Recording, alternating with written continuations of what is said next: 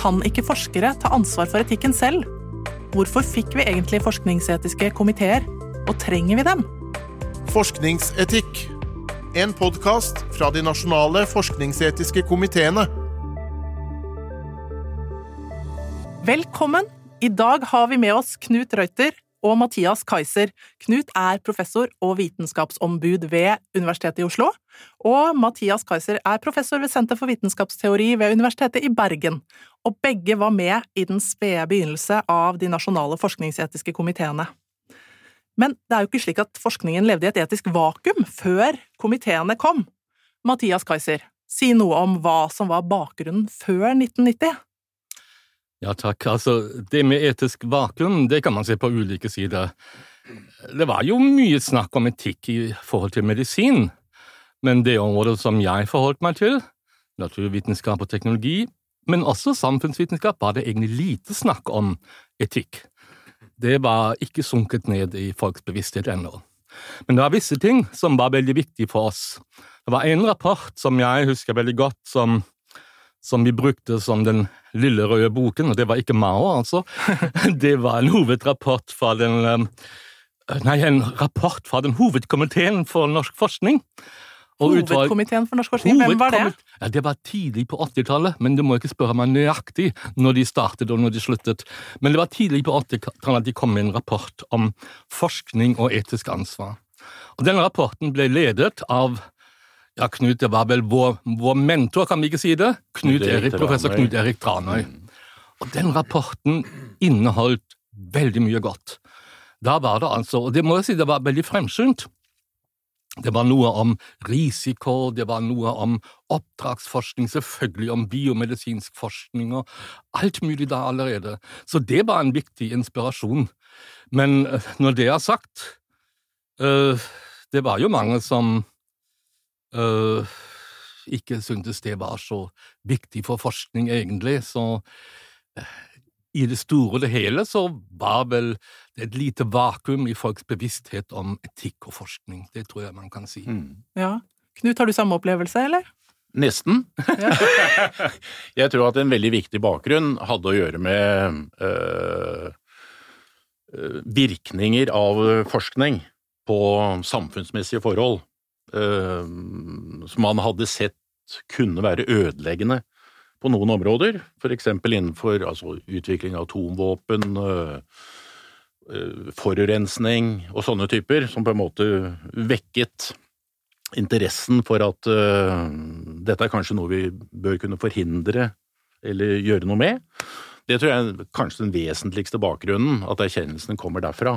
Og innen medisin har vi også noen grelle eksempler. Ja, men der er det enda verre, på et ja. vis. Eh, for der er det ikke bare de ødeleggende virkningene for samfunnet, men også ekstremt alvorlige eh, misbruk av personer i forskning, eh, som man på ulike vis kunne forsvare, liksom, eh, for fellesskapets beste og sånt noe, men med uhyggelige virkninger, da.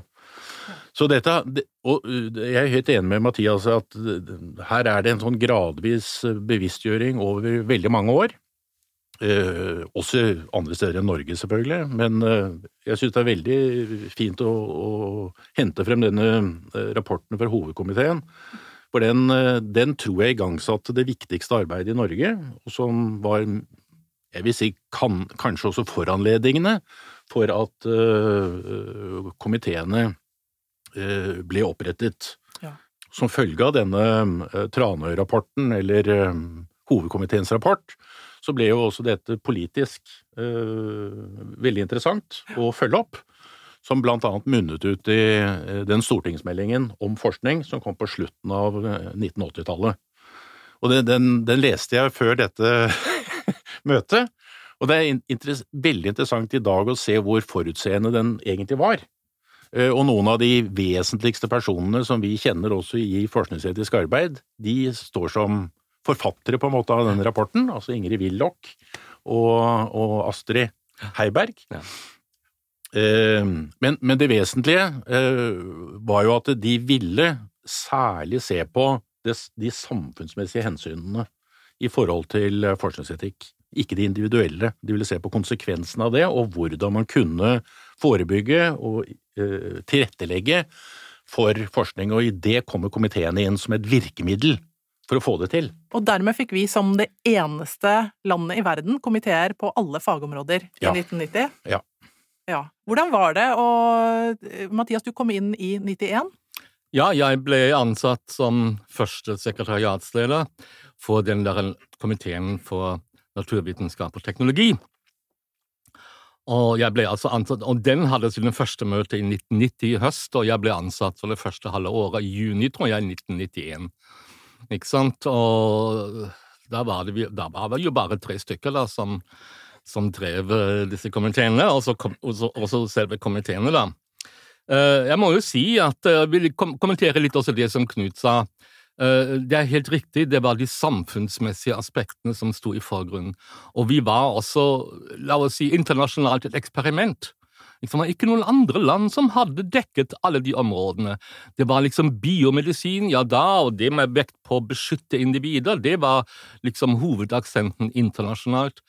Men eh, her hadde vi altså en, hel, en helt annen type profil, og det var jo det som vekket oppmerksomhet ganske fort. ikke sant? Samtidig som vi også var aktive internasjonalt. altså Vi var i møter i Paris, i UNESCO og andre sammenhenger. Så dette var noe nytt.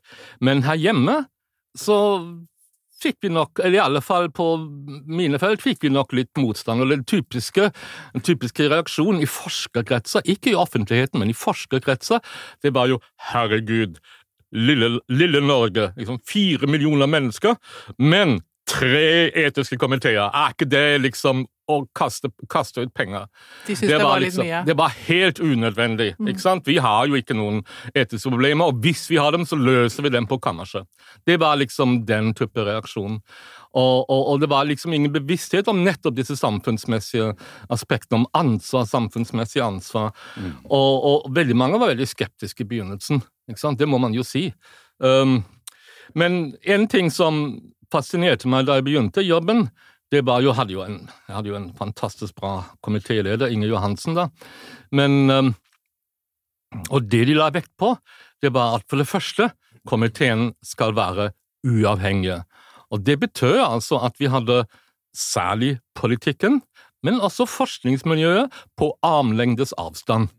Det var nødvendig for å ha tillit i offentligheten, at ikke vi var en del av klubben, men litt utenfor, men med tilstrekkelig innsikt i det. Så, så det var veldig viktig. Og, og det andre var jo at, uh, at vi hadde kompetanse til å kunne snakke med forskere om de tingene som, som foregikk, og også da en spesiell forskningspolitisk kompetanse som ble bygget opp i sekretariatet etter hvert, for å kunne være det som vi skulle være, nemlig en utkikkspost frem mot de etiske problemene vi kan forvente oss. Ja. Så har det skjedd ganske mye på 30 år. Det har blitt en, eh, en økt formalisering av de forskningsetiske systemene i Norge. Og i 2013 fikk vi en direktør i komiteene. Eh, Helene Ingjerd, du tok over den rollen for et eh, halvt år siden omtrent. Hvordan Hva gjør egentlig en direktør i de nasjonale forskningsetiske komiteene? Ja, nei, min jobb er jo egentlig å binde hele dette systemet sammen. Det er jo et rikt system. Eh, Nå har vi jo snakket litt om de tre komiteene som ble opprettet da i 1990 som verdens første eh, komiteer, da, eh, som dekker alle fag. Og sånn er det vel fortsatt, så vidt jeg vet. Norge er helt unikt på det området. Eh, og de har litt sånn ulike funksjoner, eh, disse komiteene. Eh, og så ble det jo utvidet på 2000-tallet med et granskningsutvalg, og vi har et skjelettutvalg. Eh, som, eh, som ser på da etiske hensyn når man skal gjøre forskning på menneskelige levninger. Eh, og så var det en patentnemnd en tid. Sånn at det har vært et ganske, blitt et ganske rikt system. Eh, og kjernefunksjonen for alle er jo at, altså, man har en rådgivende funksjon. Eh, gir råd til forskere, eh, også ut til myndigheter og til offentligheten om forskningsetiske spørsmål. Men så er det også noen av komiteene som har eh, særskilte oppgaver, da. Sånn som for eksempel NEM, den eh, komiteen for medisin og helsefag, som også er et klageorgan for disse regionale etiske komiteene. Sånn at det er, eh, det er mye felles, og det er også veldig mange felles problemstillinger komiteene jobber med. Og det er ditt ansvar å løfte som direktør, eller? Det er mitt ansvar å løfte, få til en slags faglig koordinering eh, på tvers, eh, og på en måte binde, binde, sammen alt dette viktige arbeidet som gjøres, da. Eh, samtidig så er det sånn at eh, komiteene er jo da faglig uavhengige, som vi har vært inne på, og de er så uavhengige av hverandre. Sånn at eh, Hvordan blir det ivaretatt eh, i dag, da? Nei, det er jo ivaretas på forskjellige måter. Altså, det er jo dels ved oppnevningen, altså at de som sitter i, i komiteene, de oppnevnes eh, på bakgrunn av sin kompetanse og interesse for forskningsetikk. Eh, ikke for å representere særinteresser på noe som helst måte, det er veldig viktig. Eh, men ikke minst hvordan man jobber, da. Eh, at eh, de, altså jeg som direktør kan ikke instruere dem faglig på noen måte, ikke departementet. Ingen kan gjøre det. Det de gjør skal være altså ut fra hva de mener er viktig. Eksempel dette viktige arbeidet med forskningsetiske retningslinjer som komiteene gjør. Det er jo et godt eksempel på det. Så det er er overhodet ikke noe jeg som direktør skal blande meg opp i. Nei, så det er komiteene som utarbeider retningslinjer for forskningsetikk? Det er det. Det har vært en veldig viktig oppgave helt fra begynnelsen av. Eh, fra oppnevnelsen eh, så ble det utarbeidet retningslinjer da først for eh, altså NESH-områdene, som er da samfunnsvitenskap og humaniora. Etter hvert innenfor nevntområdene, naturvitenskap og teknologi. Mens på medisinsk område har det vært litt annerledes, for der har man da internasjonale retningslinjer, Helsinki-deklarasjonen og også mye lovverk etter hvert som har utviklet seg. Helene Inger, hvem er det som har et ansvar for forskningsetikk i dagens system? Ja, det er jo ganske mange. Eh, vi fikk jo denne ganske nye, må man jo si fortsatt, loven, forskningsetikkloven, som kom i 2017. Ja. Eh, som jo fastsetter helt klart også at institusjonene, altså forskningsinstitusjonene, har et ansvar. Ja. Eh, og forskere. Så det er jo ja, ganske nytt, da, at det, at det, er blitt lovfestet på den måten. Eh, mm. Mens i komiteene, når altså, vi har utarbeidet disse retningslinjene, så har det vært helt klart hele veien at det er jo forskere som har et ansvar for å gjøre forskningsetiske vurderinger. Men så er det også ganske mange andre aktører mm. som er involvert i forskning på ulike måter, mm. som må ta et ansvar for forskningsetikk. Eh, mm. og vi ønsker jo også å snakke til de aktørene. Mm. Det er mange. Det er mange her som skal jobbe med det, og det er mange i systemet etter hvert, for du nevnte departementet, Helene Ingjerd, og det eh, handler jo om at, eh, at de nasjonale forskningsetiske komiteene nå ligger eh, sånn systemisk under Kunnskapsdepartementet. Og det var også en endring fra tidligere. Hvis vi går ti år tilbake i tid. Da var det også et, da var det 20-årsjubileum. Uh, og Knut Reuter, da nevnte du til magasinet Forskningsetikk at uh, den rettsliggjøringen som har skjedd av forskningsetikken, den var helt nødvendig. Men hvorfor mener du at den rettsliggjøringen, eller mente du at det var nødvendig? Hvis jeg bare får ta en bitte liten omvei, uh, og jeg mener det fortsatt, at det var, var, var en bra utvikling, og vi hadde en utrolig interessant diskusjon om hvorvidt Eh, eh, komiteene burde lovfestes. For det var en var veldig stor engstelse for hva liksom, rettsliggjøring skulle medføre. For eksempel at man mistet grepet til det forskningsetiske, og man ble mye mer juridisk og nær sagt kantete i måten man eh, skulle vurdere ting på. Men jeg valgte å se det sånn, og det var veldig store diskusjoner, veldig store diskrepanser, jeg tror innenfor øh, alle komiteene, og også i sekretariatet, veldig ulike oppfatninger om det. Men jeg tror at jeg så det som en Altså både som en vesentlig og viktig anerkjennelse fra samfunnets side om komiteene, at de ble lovfestet, og at det hadde sånn sett gode virkninger for, eh, for hele komitésystemet. Eh, kanskje mer på, på medisinsiden, og spesielt i forhold til REC. Eh, som er regionale komiteer? Som er de regionale komiteene for medisinsk og helsefaglig forskning, som da forhåndsgodkjenner forskningsprosjekter og har beslutningsmyndighet til å kunne gjøre det. Det mener jeg var et gode. Også for, eh, for eh, forskernes eh, rettssikkerhet. For de hadde muligheten til å, til å, klage og få behandlet på nytt og masse sånne ting, og det syns jeg egentlig var veldig bra. Og jeg mener også kunne si at det hadde veldig store, stor betydning for særlig hvordan disse regionale komiteene arbeidet. Det ble mye grundigere og skikkeligere arbeid med, med uttalelser og beslutninger og begrunnelser for å ta dem. Uh, mye mer synlig. Uh, man, man, måtte på en måte stå til regnskap for det man sto for. og det skulle være synlig og offentlig. ja. Og jeg, jeg tror at kanskje virkningene for de nasjonale komiteene var veldig mye mindre. Altså for loven har heller ikke et stort innhold, altså den bare sier at dette lovfester vi ved lov, men jeg kan i dag ikke se at det egentlig medførte store uh, endringer i komiteenes uh, virksomhet, altså, egentlig, annet enn at jeg syns at den anerkjennelsen uh, i seg selv da, er veldig viktig for virksomheten. Mathias Kaiser, du ropte et lite varsku samtidig. Eh, du sa at det går for langt mot at komiteene skal være en slags høyesterett, og sa at eh, folk må ikke høre på alt, alle, eller følge alle råd vi sier. Har komiteene fått for stor makt, ja. tenker du? du? Jeg skal kommentere det her litt. og Jeg må jo si, Knut, vi hadde jo våre diskusjoner både på gangen og på kontorene den gang det var aktuelt. Og vi hadde nok, og så Knut riktig sa, det var nok ulike oppfatninger både i komiteene og i sekretariatet. ikke sant? Hvor langt skal vi gå i denne retning, i denne formaliseringen? ikke sant? Og det var en veldig redsel for det som jeg sa opprinnelig, å, å, å tape altså den der armlengdes avstand. ikke sant? Å bli en forvaltningsorgan og bli slukt av, av, av politikken på mange måter. ikke sant?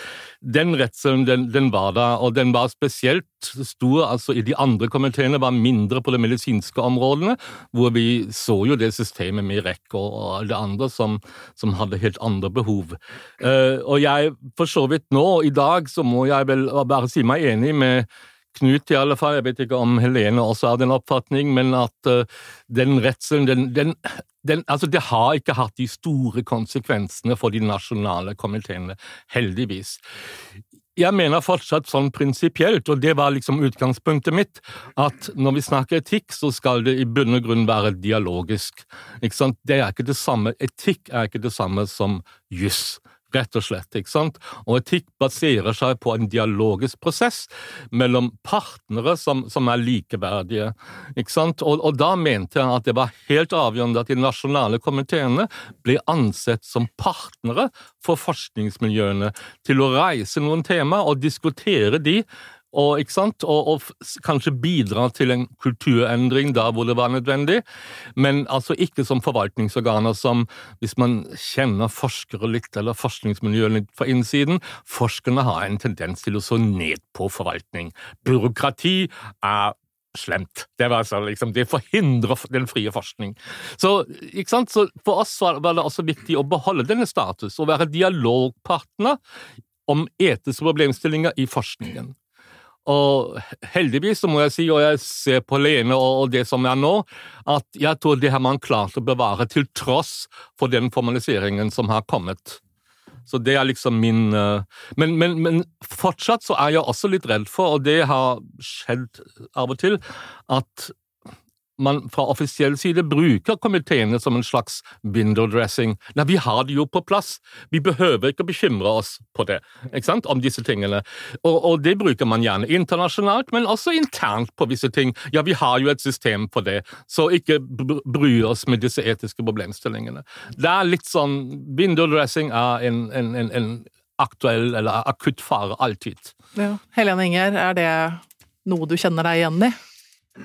Nei, men også dette med om vi har fått for mye makt. Eh, altså jeg tenker på det med Makt, altså det å påvirke atferd, det er jo noe vi ønsker. Altså med å være rådgivende komiteer, og det syns jeg jo vi gjør langt på vei med rådgivende uttalelser. Og så var vi jo litt inne på at vi har jo litt ulike funksjoner, disse komiteene. Altså de medisinske komiteene kan jo faktisk da stoppe, altså hindre forskning. Eh, det skjer jo ikke i særlig stor grad, men det er en mulighet. Um, men jeg mener jo også at komiteene langt på vei har den ønskede funksjonen da, med å være rådgivende komiteer, og at langt på vei så hører jo forskere og forskningsinstitusjoner på de rådene som kommer. Det er jo opplevelsen sett fra, fra mitt ståsted. Hva gjør, men hva gjør de nasjonale komiteene som institusjonene ikke selv kan gjøre, da? Ja, det er jo et godt spørsmål. Altså for nå med denne nye forskningsetikkloven så har jo institusjonene fått dette ansvaret. Og nå skal jo de Det er jo ønskelig at institusjonene selv eh, går inn og gjør mange av disse forskningsetiske vurderingene som, som vi i komiteen har gjort tidligere. Ehm, så, men i tillegg til det, med å gi uttalelser og råd, så lager jo da komiteene, som vi var inne på, disse forskningsetiske retningslinjene, og det mener jeg er en veldig viktig nasjonal oppgave da, for et nasjonalt organ å utarbeide slike retningslinjer, som på en måte er verktøyet for å gjøre de forskningsetiske vurderingene. Um, og i tillegg det Mathias vinner på, dette med å være sånn utsiktspost. Uh, det er også en veldig viktig oppgave som jeg mener vi fortsatt uh, har. Uh, og at vi, for, altså for å være et rådgivende organ, for å lage disse retningslinjene, så må vi også være den utsiktsposten og følge med hva som skjer internasjonalt, og være i dialog også med andre land, da. Um, så har komiteen også en historie med å løfte store problemstillinger litt sånn på tvers av ja. institusjoner og, og ja, ikke sant. For det er jo ulike typer rådgivende uttalelser. Man kan jo tenke seg å gå inn i et konkret forskningsprosjekt og gi råd. Eh, det er jo en oppgave som kanskje institusjonen i større grad kan påta seg nå, eh, og bør gjøre. Eh, men vi har jo f.eks. da denne petroleumsforskningssaken som, som en av komiteene hadde for noen år siden, nevnt. Det var jo en sånn sak som ble løftet til et nasjonalt nivå, som rettet seg mot alle norske universiteter. Eh, og det mener jeg ville vært veldig vanskelig å gjøre, da, som en, om om for eksempel ja, en forskningsinstitusjon skulle gjøre det. Hva var bakgrunnen for den saken? Ja, det var jo, startet jo med en ganske stor eh, diskusjon på Universitetet i Bergen. Ehm, eh, det, det, handlet jo om samarbeid mellom universitetet og Statoil, som det da het den gangen, disse akademiavtalene. Eh, hvor noe av bekymringen var jo dette med uavhengighet, forskningens uavhengighet, å bli bundet opp i den type samarbeid. Men ikke minst dette som handler om bærekraftig utvikling. Forskningen har et samfunnsansvar. Dette er spesielt formulert tydelig i Nent sine retningslinjer. Eh, og det var en bekymring for at disse avtalene ville bidra til å forlenge oljealderen. Eh, så det som skjedde, var jo at etter at det hadde pågått diskusjon en god stund, så tok rektor ved Universitetet i Bergen kontakt og ønsket en uttalelse fra Nent. Og den har fått mye oppmerksomhet, fordi eh, det var en ganske streng beslutning som kom fra komiteen? Ja, jeg vet ikke om vi skal kalle den streng. Eh, jeg syns vel ikke at det var spesielt kontroversielt, det som eh, ble sagt, det må jeg jo si. Men, men det, jeg tror det bidro til å løfte en del av disse problemstillingene og heve bevisstheten om, om disse problemstillingene. Eh, det handlet jo om, sant, som jeg var inne på, dels dette med åpenhet om hvilket samarbeid man inngår i, om forskningens uavhengighet, men ikke minst om, om bærekraft og, og føre-var-prinsippet. Eh, så konklusjonen var da at det er forskningsetisk eh, uforsvarlig eh, om forskningens rammebetingelser og forskningsaktiviteter hindrer at vi når de klimamål som Norge har forpliktet seg til. Så det var ganske rundt formulert. Så det handler jo ikke da om ett forskningsprosjekt, men altså se forskningen på dette feltet i helhet. Og det er en uttalelse som har fått mye oppmerksomhet også internasjonalt? Ja, absolutt. Eh, og det igjen, så dette henger jo sammen med at eh, vi, vi har sånt, eh, en sånn komité i Norge som kan gi en sånn uttalelse. Det finnes ikke i andre land. Sånn at dette er en uttalelse som har fått veldig mye oppmerksomhet. Jeg får fortsatt henvendelser med spørsmål om den uttalelsen. Sist fra Danmark for noen uker siden. Det som jeg syns er interessant med den, er jo at den da ikke bare er det vi, som Mathias og jeg jobbet mye med, liksom det dialogiske aspektet. Ikke sant? Ved å få til det. Det er noe mer i den type uttalelser. Eh, og noe, det er noe av det jeg syns er interessant også med det som ble rettsliggjøringen, at eh, komiteene fikk en status som gjør at de faktisk kan uttale seg, ja, nær sagt litt autoritativt, om ø, samfunnsmessige spørsmål, og da er de over på mer å styre utviklingen også på det etiske området, og tørre å si noe om det. Det vil ikke si at det, nødvendigvis er sånn som det er i, i, i rekke, at det er bindende for mottaker, men det er på et vis styrende. Så man, man sier noe om liksom retningen på, på, på, hva som er god forskningsetikk, og som man bør ta hensyn til. Ja.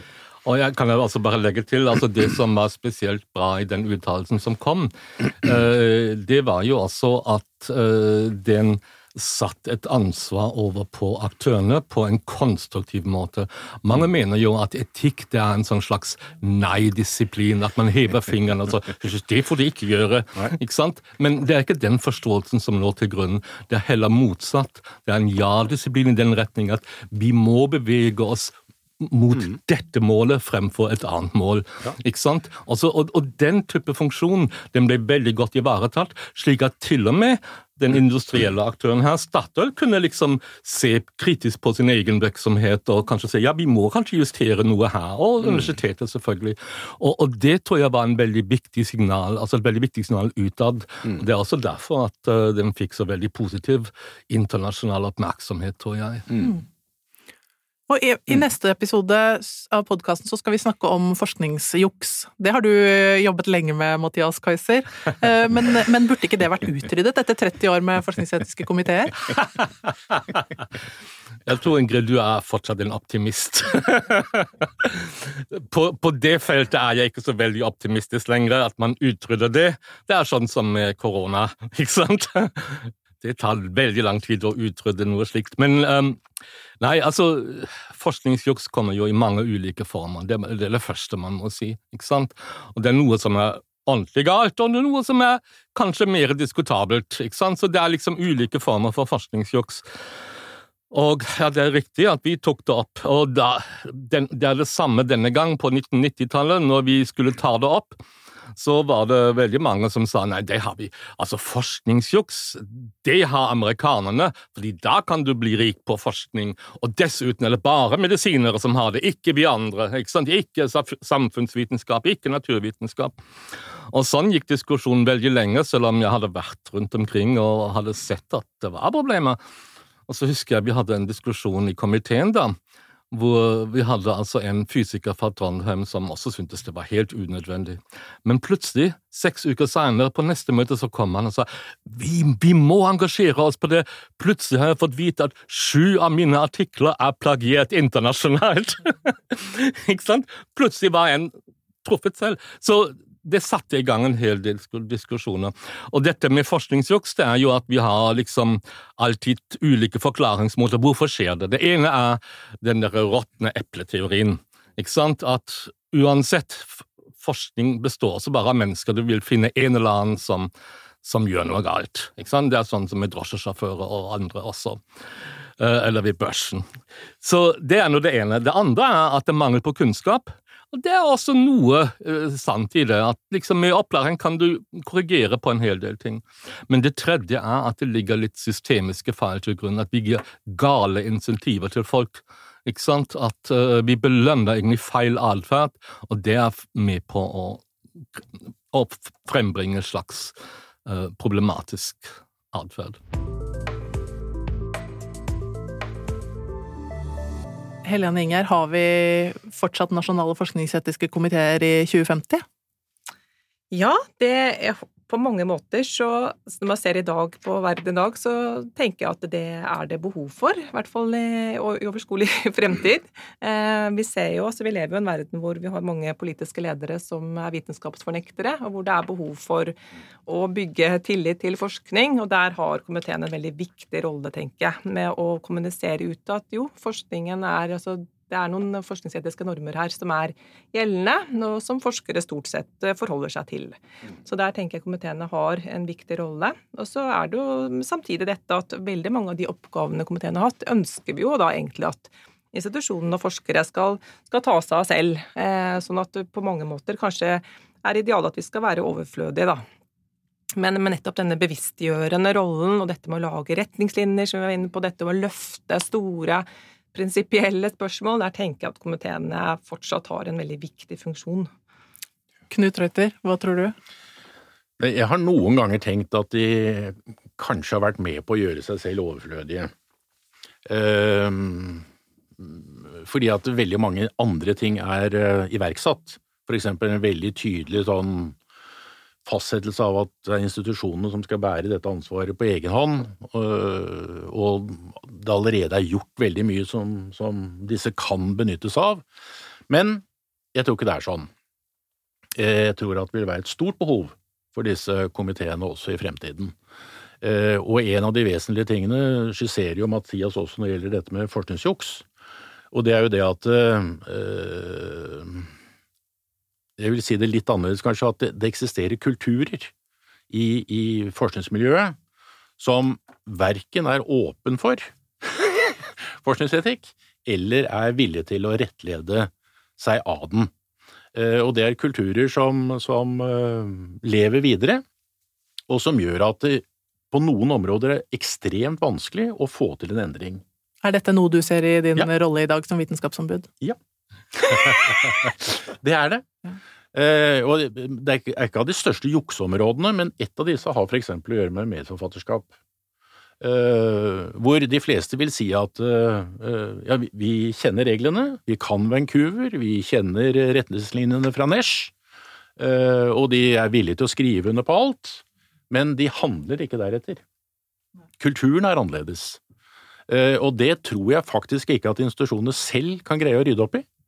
Og der tror jeg da at, eh, at også disse nasjonale komiteene kanskje har en enda viktigere rolle i fremtiden, både for å jeg nær sagt bidra til å utdanne eh, institusjoner, eller være en hjelp eller ressurs til å kunne gjøre det, eh, og tenke gjennom hvordan sånne ting kan faktisk implementeres i institusjonene. Jeg, ser nesten en helt ny oppgave for, for komiteene. Eh, og jeg, jeg syns det har vært interessant, altså alt fra forskere som sier at nei, det der har jeg aldri hørt om. Har aldri hørt om retningslinjene, aldri hørt om Vancouver. Nei, det var helt nytt for meg! Finnes det sånne? Hvor står de? Til folk som sier det nøyaktig motsatt. Selvfølgelig har jeg lest det! Dette kan jeg, men vi, vi gjør det annerledes her hos oss. Vi gjør det annerledes. Ja, det siste er kanskje vel så vanskelig. Det er veldig vanskelig å endre. Mathias Kaiser, hvis du skal peke en retning for eh, komiteene fremover, Ja, hva bør det være? altså det du spør opprinnelig om disse Hvordan ser det ut i 2050, tror jeg du sa? Det er jo veldig langt frem i tiden. Um, og jeg, egentlig så ser jeg da to, to mulige scenarioer for, for meg. Det ene er at um, det arbeidet som man gjør nå, lykkes i stor grad. Ikke sant? Og det er at man ansvarliggjør virkelig disse institusjonene, og de blir mye mer aktive, og man, man retter på en hel del grunnleggende mekanismer, både i utdanning og belønningssystemet, finansiering av forskning og alt sånt. nå. Og på den måten tror jeg at betydningen av de forskningskomiteene kan bli mindre etter hvert. Jeg tror de vil fortsatt finnes, men mer som en, liksom en, en liten klubb hvor man kan reise noen andre temaer som ingen andre reiser. altså Kan sette en helt ny agenda, kanskje. Ikke sant? Sånn Lykkelig som utkikkspost. Eh, Det ser jeg, det er den ene mulige scenarioet. Men da må man være litt optimist. Ikke sant? Den andre scenarioet ser jeg at eh, de forskningskomiteene finnes. De vil bli overlesset, de er utsatt for veldig mye press fra alle mulige kanter, fra politikk, fra industri, fra forskningens side, og de har konkurranse. Nå har man kanskje ikke bare miljøorganisasjoner, sånn som Greenpeace eller, eller Fremtiden i våre hender, men man har kanskje en, en organisasjon, altså en NGO som de heter, eh, der ute, som er liksom etikk i forskning, eller noe slikt, ikke sant? fordi folk er rett og slett lei av en forskning som man ikke stoler på lenger. Altså at det tillitsforholdet som man kanskje hadde en gang fra offentligheten, at det er helt brudd. Og, og at uh, man er veldig mistenksom overfor den forskningen som foregår, og man aktiviseres på grunnplanet, slik at man har en veldig mye sånn ja, altså en, en folkelig forankring også i, i det arbeidet man gjør. Det er liksom to ekstreme scenarioer. Antagelig vil det være kanskje en eller annen gang i midten der, men, men, men jeg tror det er fortsatt veldig åpent. Jeg tror ikke de blir overflødige, det tror jeg ikke. Men det kommer veldig mye an på hvorvidt, hvorvidt de aktørene lytter på det som foregår, og oppfatter de signalene. Og som, som Knut sier, det er jo av og til litt begredelig når man, når man Det ene altså at man sier nei, men det har vi aldri hørt om, ikke sant? Og dette her liksom eh, Folk som ignorerer fullstendig det som foregår. eh, mot de andre som sier at ja, ja, vi vet godt hva, hva vi skal gjøre, men vi kan ikke gjøre det. Vi, vi, gjør det annerledes her. ikke sant? Og dere forstår ikke hva slags type situasjon vi er i. Så sånn er det per i dag. Og så lenge vi har det sånn, da tror jeg det er fortsatt mye arbeid igjen, Helene. Så du får bare legge deg i selene her og få til en kulturforandring ganske snart. Ja, Helene Ingjerd, det er mye å gjøre fremover? Jeg tror vi har nok å gjøre. Så én ting er jo det arbeidet ut mot eh, altså forskere og forskningsinstitusjoner, som vi mm. har gjort i mange år. Men så er jo det at forskningen har jo endret seg. Så det er alle disse samarbeidsprosjektene som vi ser, da, hvor andre aktører blir involvert og kommer inn i forskningen. Så det å snakke til flere aktører er jo en veldig viktig oppgave for oss framover, tenker jeg. Mm. Hvem er de nasjonale forskningsetiske komiteene for, da? Er det for alle? Det er for alle, altså, men altså først og fremst forskere. Eh, men, men, det, men, det, er jo for alle. Alle kan ta kontakt eh, om de har spørsmål rundt forskningsetikk. Eh, mm. Og et viktig mål framover blir jo egentlig å få forskningsetikken litt sånn ut til folket. Eh, og mm. tydeliggjøre og synliggjøre at vi fins, eh, også for en mm. større offentlighet. Det blir viktig. Men jeg tror en veldig, veldig viktig forutsetning for å få det til, også for de neste 30 årene, er at komiteene og disse eh, sekretariater beholder veldig tydelig sin uavhengighet. Det mener jeg er av, av sentral viktighet, fordi at alle andre aktører har interesser om det nå er industri eller om det er universiteten eller hva det er for noe, de har interesser mm. som, som, kan motvirke, egentlig, mm. forskningsetikken. Og, og, og, så lenge det er et basis for komiteenes virksomhet, så har jeg tro på at, at, at de både kan finne nisjen og, og, veiene som kan understøtte det. Og det er ikke minst viktig på det området som du nevner helt til slutt, og det har jo å gjøre med at veldig mye forskning, også på ukjente områder i dag er veldig internasjonal og mm. preget av samarbeid mellom ikke bare land, men også institusjoner i mange forskjellige land, mm. som vanskeliggjør en del av disse prosessene. Mm. Tusen takk til Mathias Kaiser, Knut Reuter, Helene Ingjerd. Jeg heter Ingrid Torp, og du hører på Forskningsetikk, en podkast fra de nasjonale forskningsetiske komiteene.